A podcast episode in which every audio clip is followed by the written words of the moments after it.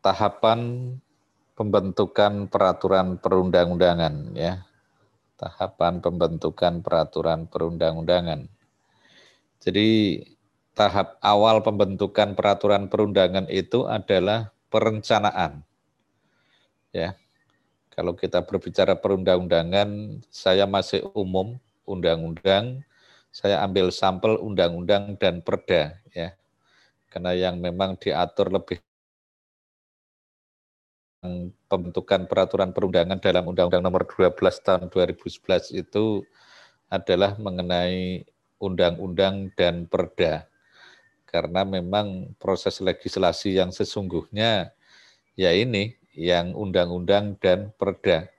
Kalau yang lainnya yang produk eksekutif ya memang itu eh, mestinya tidak perlu terlalu banyak ya kecuali hal-hal yang sifatnya teknis-teknis ya.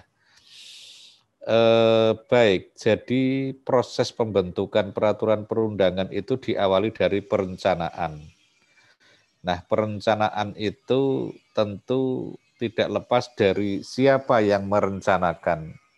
Di dalam Undang-Undang Nomor 12 Tahun 2011 yang diberikan hak untuk merancang atau hak inisiatif pembentukan peraturan perundang-undangan itu kan kalau untuk undang-undang itu ada DPR ya. Kalau di tingkat daerah tentu ada DPRD, apakah DPRD provinsi ataukah DPR kabupaten atau kota. Kemudian selain DPR yang punya hak usul pembentukan peraturan perundangan selain lembaga legislatif itu sendiri bisa eksekutif dalam hal ini presiden. Jadi presiden itu boleh mengusulkan pembentukan peraturan perundang-undangan termasuk usul untuk merubah peraturan perundang-undangan ya. Nah, kalau di tingkat daerah tentu bukan presiden, adalah gubernur untuk provinsi ataukah bupati ataukah wali kota. Kemudian untuk selain DPR dan presiden untuk tingkat pusat adalah ada DPD, Dewan Perwakilan Daerah. Nah, kalau untuk di provinsi atau kabupaten atau kota tentu tidak ada. Karena DPD hanya ada di tingkat pemerintahan atau lembaga tingkat pusat ya. Di provinsi dan kabupaten tidak ada DPD adanya hanya DPRD dan eksekutif dalam hal ini pemerintah, gubernur ataukah bupati atau wali kota. Nah, ketika institusi ini menjalankan atau memanfaatkan haknya untuk mengusulkan peraturan perundang-undangan, maka mempunyai satu tanggung jawab Tanggung jawabnya apa? Tentu harus mempersiapkan konsep-konsepnya.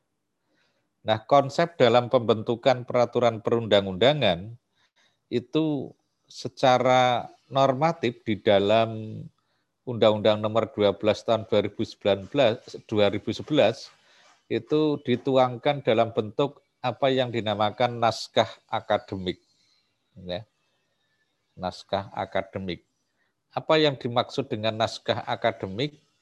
Naskah akademik itu adalah naskah hasil penelitian atau kajian hukum dan hasil penelitian lainnya ya, terhadap suatu masalah tertentu yang dapat dipertanggungjawabkan secara ilmiah mengenai pengaturan masalah tersebut dalam suatu rancangan undang-undang atau rancangan perda, apakah perda provinsi atau kabupaten, ya, eh, sebagai solusi terhadap permasalahan dan kebutuhan hukum masyarakat. Itu namanya naskah akademik. Jadi ada legal reasoningnya. Pembentukan peraturan perundangan itu tidak asal-asalan, tapi ada semacam alasan yang menjadi dasar filosofinya, yang itu nanti dituangkan dalam bentuk naskah akademik. Tidak hanya sekedar cerita-cerita, wah di daerah istimewa Yogyakarta perlu pengaturan tentang lingkungan hidup misalnya, atau perlu diatur tentang penataan lingkungan sosial yang lebih kondusif karena banyak persoalan-persoalan yang dihadapi masyarakat, misalnya rumah-rumah kos karena banyak perguruan tinggi atau sekolah-sekolah misalnya. Itu problem. Realitasnya kalau diteliti mungkin banyak problem-problem sosial. Misalnya apakah setiap rumah kos itu diperbolehkan ada laki-laki, perempuan penghuninya. Apakah harus ada penanggung jawabnya atau sebagai induk semangnya? Ataukah perlu diatur tentang jam kunjungannya? Nah, atau mungkin lokasi-lokasi yang eh, di daerah mana yang diperbolehkan. Nah, ini ini ini sebuah problem karena kalau tidak itu juga bisa berbahaya. Karena banyak kasus-kasus mohon maaf ya eh, penyakit-penyakit sosial yang berkedok kos-kosan ya. Ini ini yang menjadi persoalan. Nah, itu diteliti. Diteliti secara akademik bagaimana ya eh, secara kuantitatif ataukah kualitatif ya. Karena persoalan-persoalan sosial saya kira itu tidak cukup kalau normatif ya. Harus perpaduan antara aspek sosiologis empiris maupun aspek normatifnya. Nah, nanti hasil penelitian itu juga harus komprehensif, tidak hanya persoalan hukum saja. Mungkin persoalan ekonominya ya, mungkin persoalan sosial agamaannya, ataukah mungkin persoalan-persoalan yang lainnya. Nah, nanti secara kumulatif problem-problem sosial bisa dilakukan riset-riset dari berbagai disiplin ilmu yang nanti dapat merekomendasikan oh bahwa betul dari semua hasil penelitian menunjukkan perlu adanya aturan tentang rumah kos di Yogyakarta misalnya. Itu namanya naskah akademik. Siapa pun yang akan memanfaatkan hak usul atau hak inisiatif pembentukan peraturan perundangan harus diformat dalam bentuk naskah akademik. Apakah dari pemerintah ataukah dari lembaga legislatif ya. Itu menjadi sebuah tradisi. Makanya yang namanya membentuk suatu peraturan perundang-undangan kalau dari awal ya, bukan merupakan perubahan atau penggantian aturan yang lama, itu memang tahapannya panjang dan high cost memerlukan biaya yang tinggi. Bayangkan untuk menggelar satu penelitian saja, apalagi penelitian yang memang betul-betul serius, nggak cukup satu juta, dua juta, bisa ratusan juta biayanya. Ya, apalagi kalau nanti respondennya mencakup wilayah seluruh negara. Ya. Satu contoh ketika kami dilibatkan dalam tim ahli untuk pembentukan RUU BUMD, Badan Usaha Milik Daerah. Kebetulan kami dilibatkan. Itu panjang banget tahapannya. Kita harus menyusun konsep, hasil riset itu dalam bentuk naskah akademik, kemudian kita sosialisasikan, kita adakan diskusi-diskusi di berbagai daerah yang akan menjadi stakeholders dalam pengaturan peraturan perundang-undangan, sehingga nanti diperoleh masukan-masukan yang memang bermanfaat di dalam penyusunan peraturan yang terkait dengan BUMD.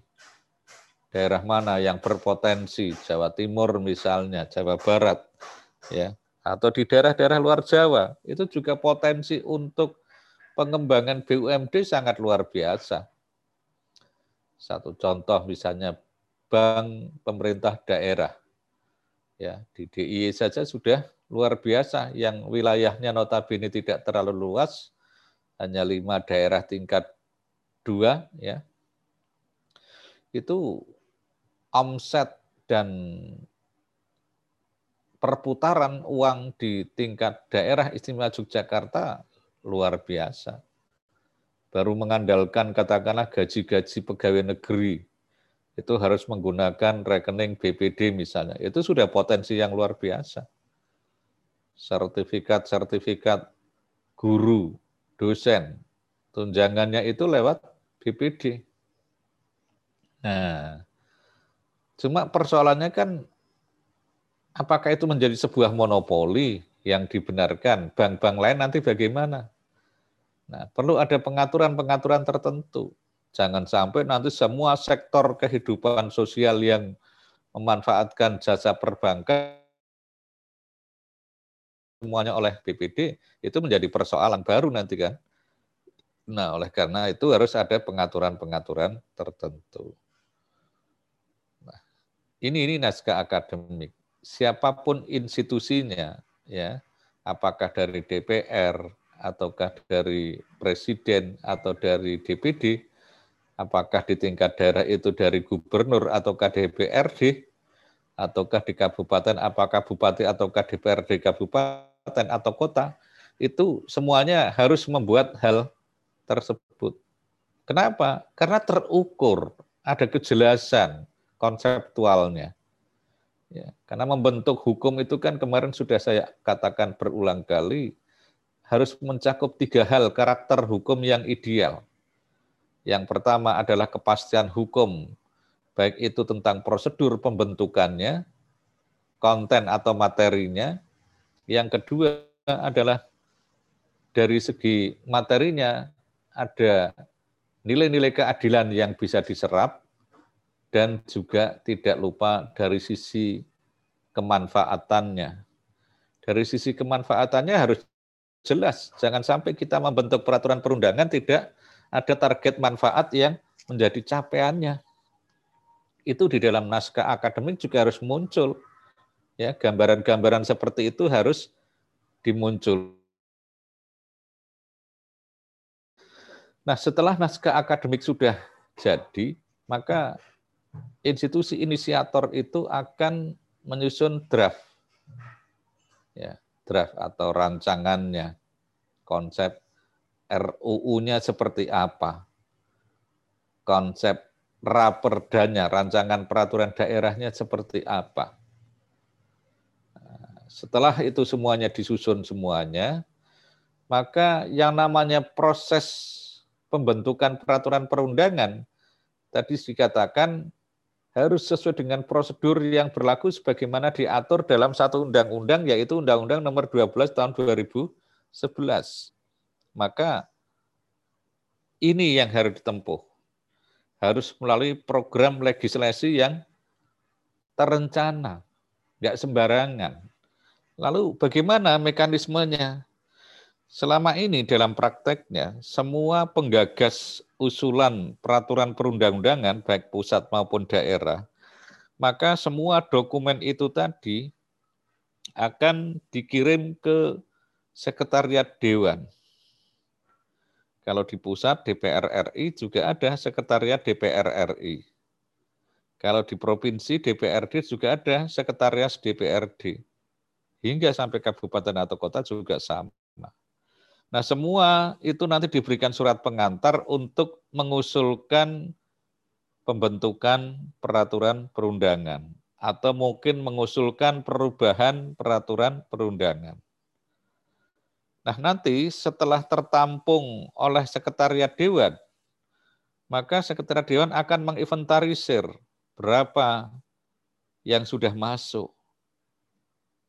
Apakah dalam bentuk peraturan perundangan baru semuanya usulannya ataukah ada yang perubahan-perubahan nanti diklasifikasikan. Nah, setelah itu sebelum tahun anggaran baru biasanya dari sekretariat dewan akan menyerahkan kepada pimpinan dewan. Pimpinan dewan nanti akan mengatur pertemuan ya untuk menentukan dalam tahun anggaran yang akan berjalan kira-kira dari usulan-usulan pembentukan peraturan perundangan itu mana yang akan dibahas di dalam satu tahun anggaran yang akan datang. Tidak harus semuanya. Karena kalau nanti terlalu banyak juga tidak akan efektif, akhirnya tidak bisa maksimal di dalam pembahasannya. Nah, maka nanti pimpinan Dewan dengan Komisi Hukum dan Peraturan Perundangan akan menentukan program legislasi, peraturan-peraturan perundangan apa yang akan digarap di dalam satu tahun anggaran yang akan datang, itu yang dinamakan program legislasi. Nah, program legislasi sesuai dengan struktur lembaga legislatif ada dua, ada program legislasi nasional, ada program legislasi daerah.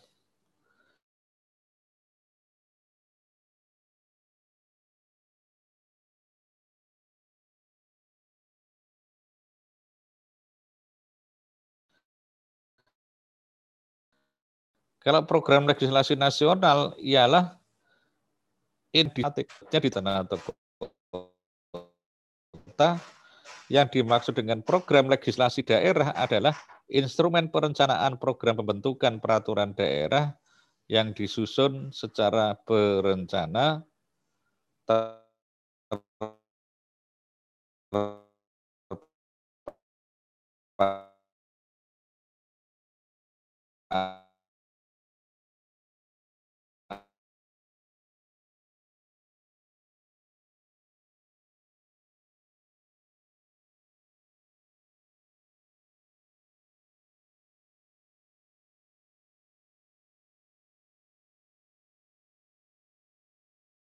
APBN.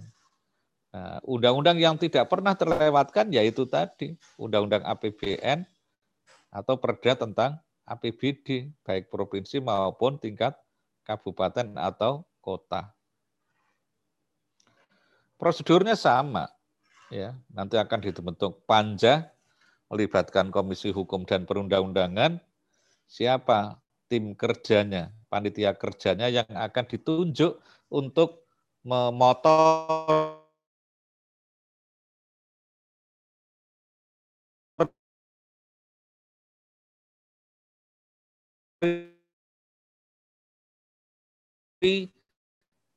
pembahasan-pembahasan RUU atau Raperda ataukah pengesahan mengkaji secara intensif dari usulan-usulan tadi yang sudah ditetapkan dalam prolegnas atau prolegda itu.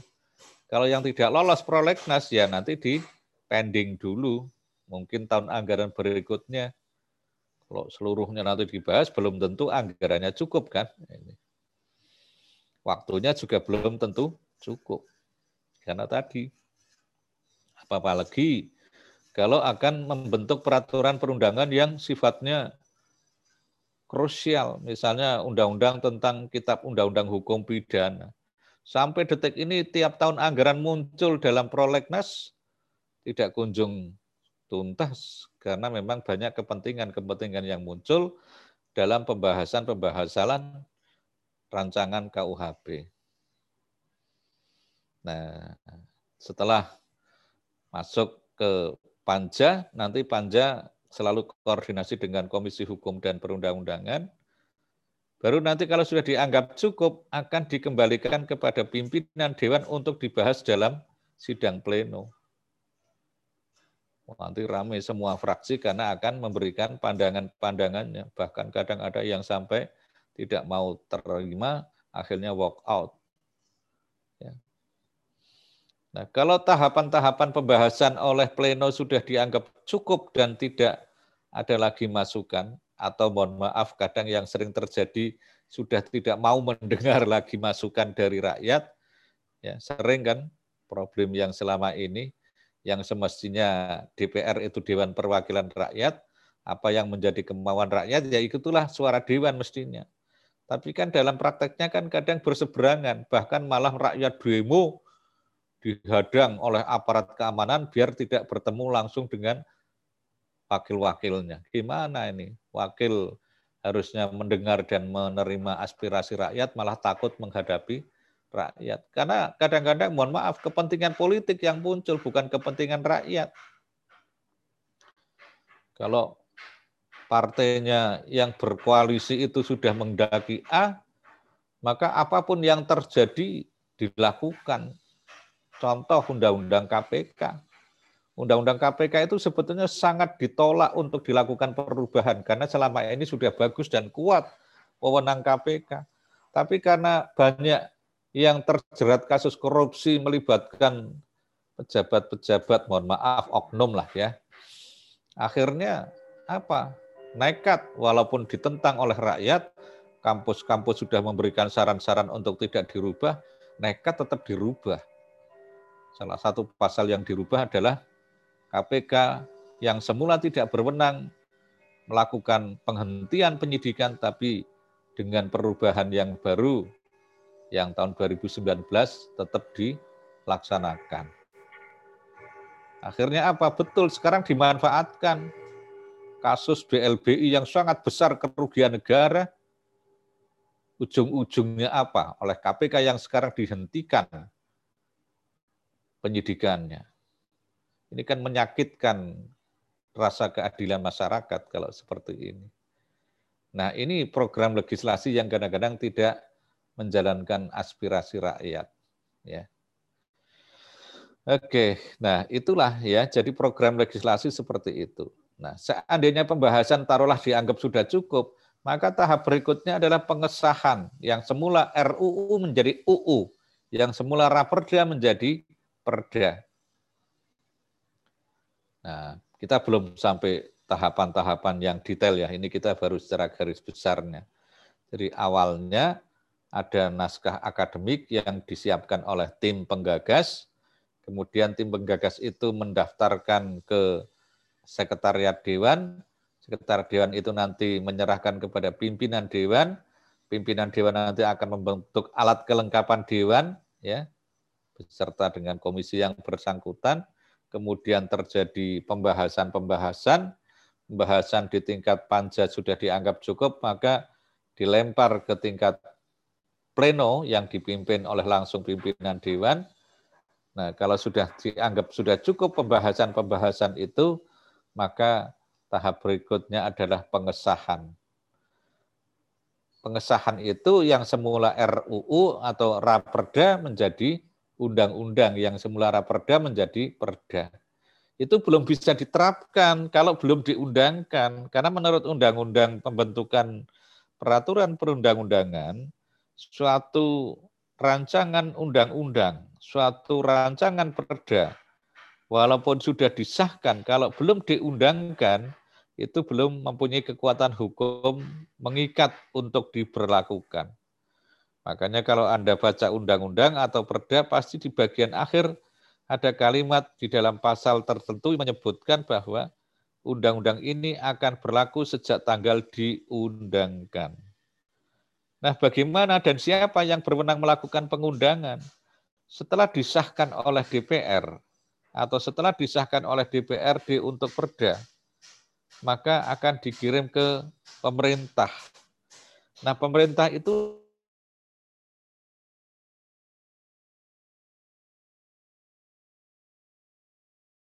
presiden dan men undangkan satu undang DPRD agar nanti dikuatkan untuk diberlakukan lewat pengundangan. Kalau untuk perda nanti sekretariat daerah. Nah, baru setelah diundangkan maka tahap terakhir adalah sosialisasi. Ini loh, sudah ada undang-undang yang sudah diundangkan, yang secara normatif sudah berlaku, namun untuk memperlakukan butuh pemahaman yang cukup. Karena kadang-kadang undang-undang itu masih multitafsir, sehingga perlu pemahaman dan keseragaman persepsi untuk bisa menerapkan suatu produk hukum. Nah, maka dari itu ada petugas-petugas yang diperintahkan oleh negara, ya biasanya lewat menteri sekretaris negara itu yang dibentuk nanti ada semacam yang sekarang ini sudah ada adalah BPHN, Badan Pembinaan Hukum Nasional. Itu nanti bertugas untuk mendokumentasikan sekaligus mensosialisasikan baik itu dalam bentuk cetakan apalagi sekarang dengan jaringan-jaringan internet atau yang kita kenal dengan SJDIH, Sistem Jaringan Dokumentasi Ilmu Hukum. Ya.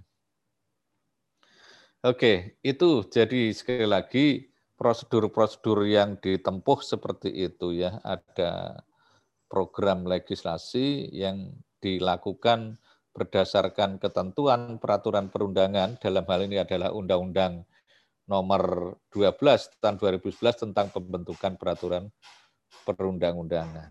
Ya. Oke, mungkin ada yang mau didiskusikan, saya persilahkan. Jadi untuk tahap perencanaan seperti itu. Nanti untuk pembuatan naskah akademik, nah ini, naskah akademik itu tentu tadi sudah saya katakan harus multidisipliner. Ya, multidisipliner. Kenapa? Karena satu peraturan perundangan itu tidak cukup kalau hanya dilihat dalam perspektif hukum saja. Tadi saya ambil contoh tentang RUU BUMD. RUU BUMD Badan Usaha Milik Daerah itu kan lebih kental ke aspek ekonominya. Ya, aspek korporatnya. Maka nanti di situ akan dikaji dari sisi ekonomi bagaimana. Dikaji dari sisi sosial bagaimana. Dikaji dari sisi hukumnya bagaimana. Sisi nilai keadilan masyarakatnya bagaimana. Nah, makanya nanti dalam naskah akademik betul merupakan hasil penyerapan aspirasi rakyat dalam berbagai multidisipliner. Ya. Nah, nanti dituangkan dalam bentuk naskah akademik. Makanya orang yang meneliti suatu kualitas peraturan perundangan tidak akan mau lepas dari apa yang namanya dokumentasi apa dokumen yang bernama naskah akademik apakah naskah akademik untuk undang-undang ataukah mungkin peraturan daerah. Ya. Oke, dari penjelasan singkat itu mungkin ada yang mau didiskusikan, saya persilahkan, monggo.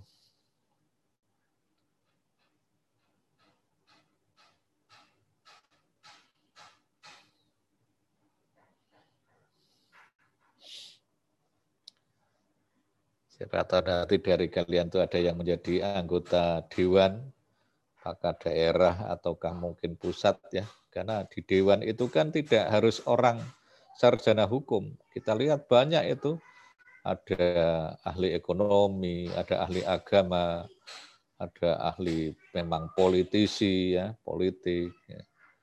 Bahkan ada yang budaya, bahkan ada yang seniman, pelawak ya, komplit kan Ya, makanya anggota dewan itu kan beragam, multidisipliner, latar belakang budaya, latar belakang profesi itu sangat beragam. Nah, makanya nanti untuk memasukkan ke komisi ya biasanya dilihat dari bidang-bidangnya dan sebaran masing-masing fraksinya. Ya, maka kadang ada guyonan kenapa kok sekarang banyak artis-artis yang masuk anggota DPR ya.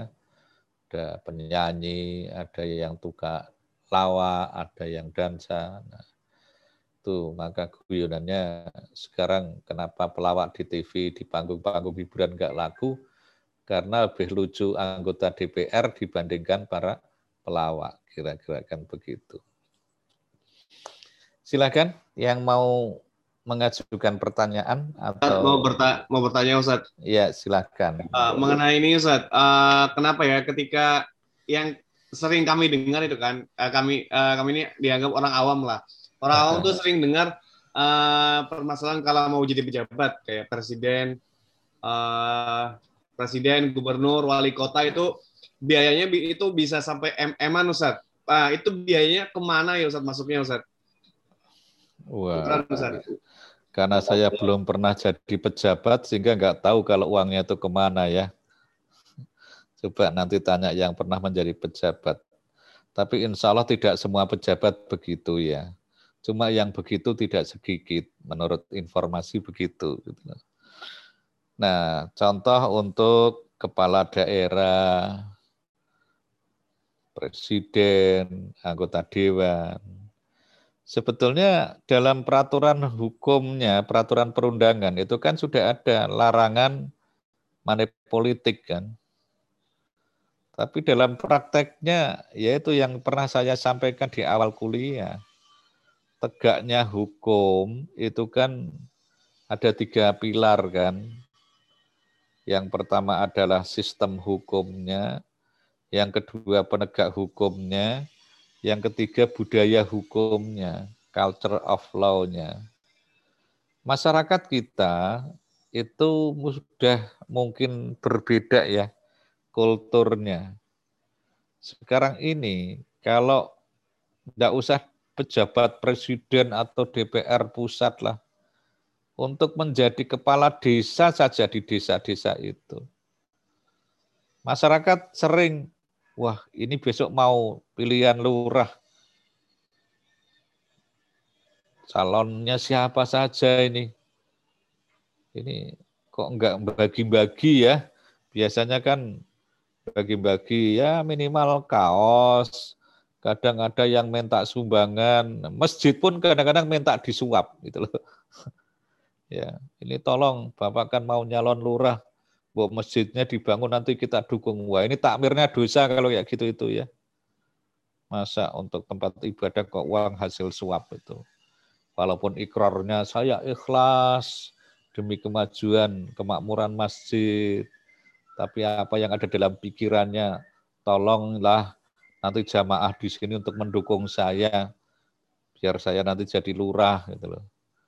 Nah ini kalau sudah seperti ini kan repot. Karena penyakit-penyakit sosial money politik di level desa pun kayak gitu sudah dianggap bukan hal yang tabu lagi. Ya bahasanya Pak Busro itu saya paling suka istilah-istilah beliau itu ya. Jadi masyarakat sekarang ini sudah menderita penyakit akut dalam hal korupsi, termasuk korupsi dalam bentuk suap dan menerima suap. Padahal kita tahu penyuap dan yang disuap sama-sama posisinya kan ahli neraka, ar-raksi wal murtasi finnar kan. Tapi itulah masyarakat kita. Bahkan mohon maaf, paradigma yang dibangun oleh para politisi-politisi kita itu sudah berhasil menciptakan masyarakat yang terkontaminasi oleh kepentingan-kepentingan politik dengan cara menyuap tadi. Jadi kalau dibikin angket, calon pemimpin yang ideal seperti apa?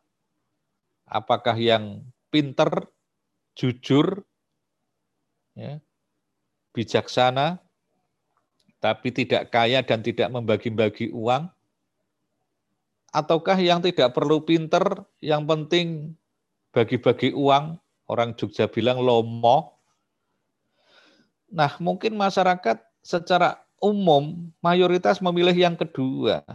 Wah, belum jadi saja udah pelit, apalagi nanti kalau jadi. Nah ini kan sesat kalau udah kayak gini. Paradigmanya udah paradigma yang sesat. Makanya bahasa Pak Azura itu udah menderita penyakit akut dalam korupsi. Tidak usah dipilih karena nggak mau nyumbang masjid kita. Tidak usah dipilih karena nggak mau bagi-bagi kita. Nah, padahal mereka itu sudah sesat.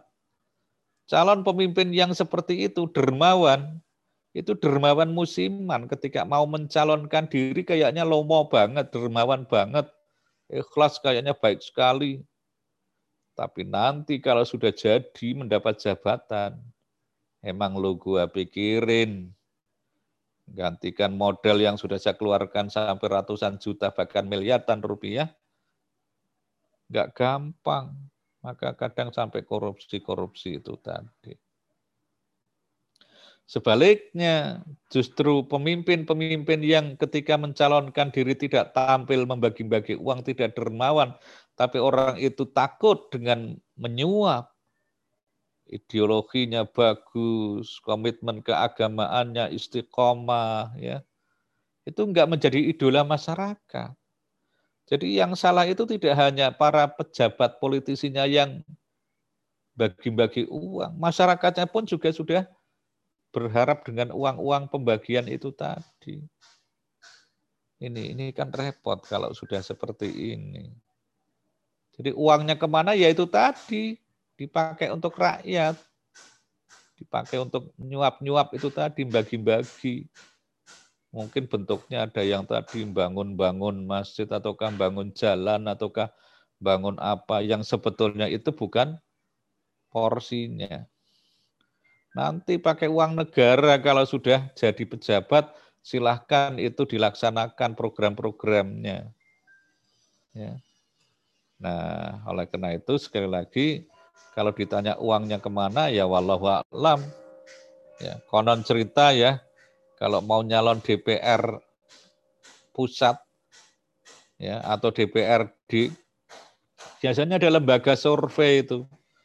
Lembaga surveinya juga menjual diri itu kepada parpol-parpol. Kami bantu pemetaan. Menurut hasil penelitian kami, parpol Anda untuk dapil satu yang paling berpotensi adalah daerah ini, ini, ini, ini. Itu dapil satu kelas A dapil yang kelas B mana, yang kelas C mana, dibuat peta. Nanti oleh parpol dijual kepada calon-calon pelamarnya. Kalau kamu mau mencalonkan diri di dapil 1A ini, maka Anda harus setor ke parpol sekian M. Katanya begitu ya. Saya karena belum pernah nyalon anggota DPR ya, jadi nggak punya pengalaman seperti itu. Tapi cerita-cerita orang-orang katanya begitu. Nah dari parpol ke mana uangnya? Ya enggak tahu, tanyakan orang-orang partai politik. Ya. Jadi orang mau nyalon ke DPR, DPRD itu enggak gratisan. Ya. Kira-kira itu. Nah, sekali lagi kembali kepada persoalan kita, kalau kita akan membangun negara yang baik, negara yang betul-betul diridhoi oleh Allah, ya, ya mestinya prosedur-prosedur pengelolaan negara untuk menjadi pejabat negara yang fair, tidak usah bagi-bagi uang, money politik dan sebagainya. Nah, kira-kira begitu ya. Monggo, ada yang lain? Ini atas nama Badrul bertanya Ustaz, uh, mic-nya rusak Ustaz. Iya, silakan. Ustaz, nih kami bacakan. Maksud dari SP3 BLBI itu bagaimana Ustaz? Karena dengan ini Presiden meloloskan revisi UU KPK. Ya, jadi tadi sudah saya singgung. Mungkin Anda baca viral statementnya Pak Busro ya, mantan Ketua KPK dan Ketua PP Muhammadiyah. Jadi menurut Undang-Undang KPK yang lama, nomor 30 tahun 2002, yang namanya kasus korupsi itu kan tidak boleh dihentikan perkaranya. KPK tidak berwenang untuk menghentikan perkara. Pokoknya angkat sampai ke persidangan nanti pengadilan yang berwenang menentukan terbukti bersalah atau tidaknya. Itu undang-undang KPK begitu tapi tidak tahu ada niatan di balik itu memang ya negara kita kan sudah menjadi rahasia umum lebih kepada oligarki ya. Orang-orang yang punya duit-duit banyak itu mengendalikan kekuasaan. Ya, maka disponsori penguasa-penguasa ketika akan mencalonkan nanti saya bantu dana tapi nanti tolong karena bos kami itu sedang menjadi buronan korupsi, maka seandainya nanti Anda nanti menjadi anggota dewan, menjadi presiden, ya, nanti dibantulah agar tidak diteruskan perkaranya. Atau mohon maaf, kasus BLBI, kebetulan saya pernah penelitian, tesis saya dulu, itu kan juga meneliti tentang BLBI. BLBI itu kan kasus tahun 90 delapan sejak krisis moneter itu ya. ya krisis moneter, kemudian bank-bank yang pada kolab itu, itu kan mendapatkan suntikan dana dari BI, namanya Bantuan Likuiditas Bank Indonesia. Ada yang sekian triliun, ada yang sekian triliun ya.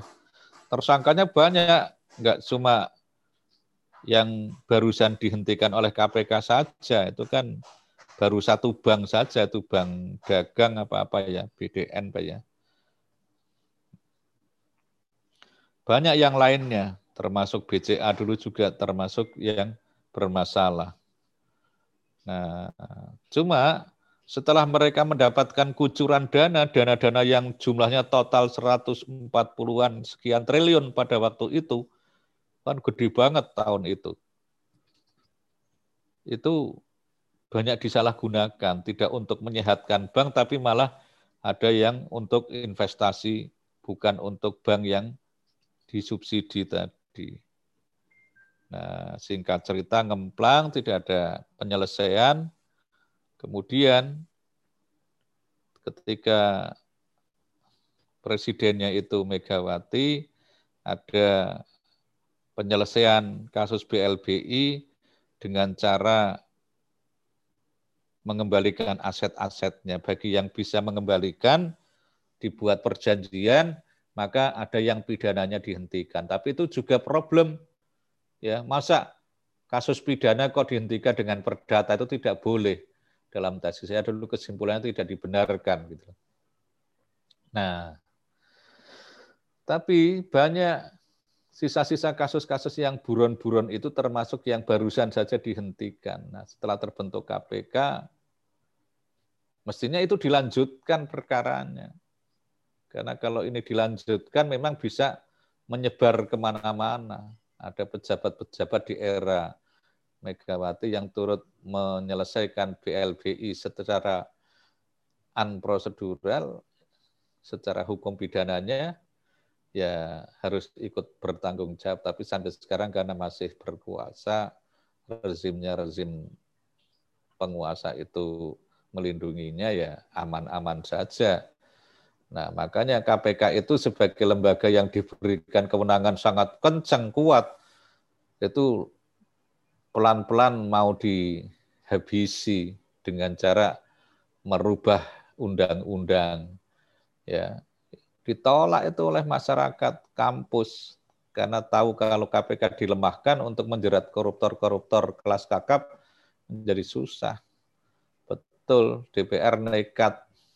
Walaupun ditolak oleh masyarakat tetap melakukan perubahan. Yang kedua tahun 2019 berhasil memunculkan pasal baru yang membolehkannya penghentian penyidikan oleh KPK. Nah, di balik itu sangat sambung akhirnya dimanfaatkan untuk menghentikan kasus BLBI yang dengan terdaksangka yang sudah diviralkan dalam media sosial itu. Nah, kan menjadi aneh kan ya jadi perubahan RU itu bukan untuk memperbaiki penegakan hukum tapi ingin melemahkan penegakan hukum kasus korupsi. Kira-kira begitu ya. Ya ya sudah. Nanti kalau memang ada temuan baru lagi ya secara hukum masih bisa. Tapi kecil kemungkinannya ya aman kan? Yang semula buron ke luar negeri nggak mau pulang-pulang ya mungkin dengan dihentikannya oleh KPK ya nanti akan berani pulang itu. Begitu. Ya.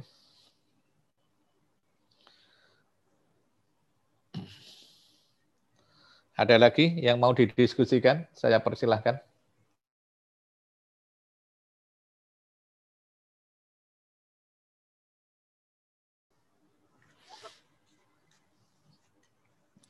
Saya cek kehadiran lagi ya, yang tadi belum konfirmasi.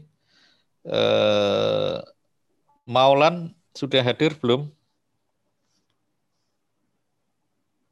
Halo, Maulan Ilhamul.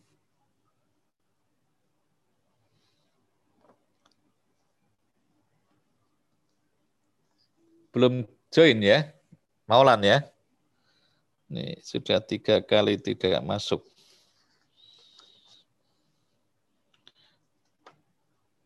Kemudian yang kelas B, Ahmad Hafid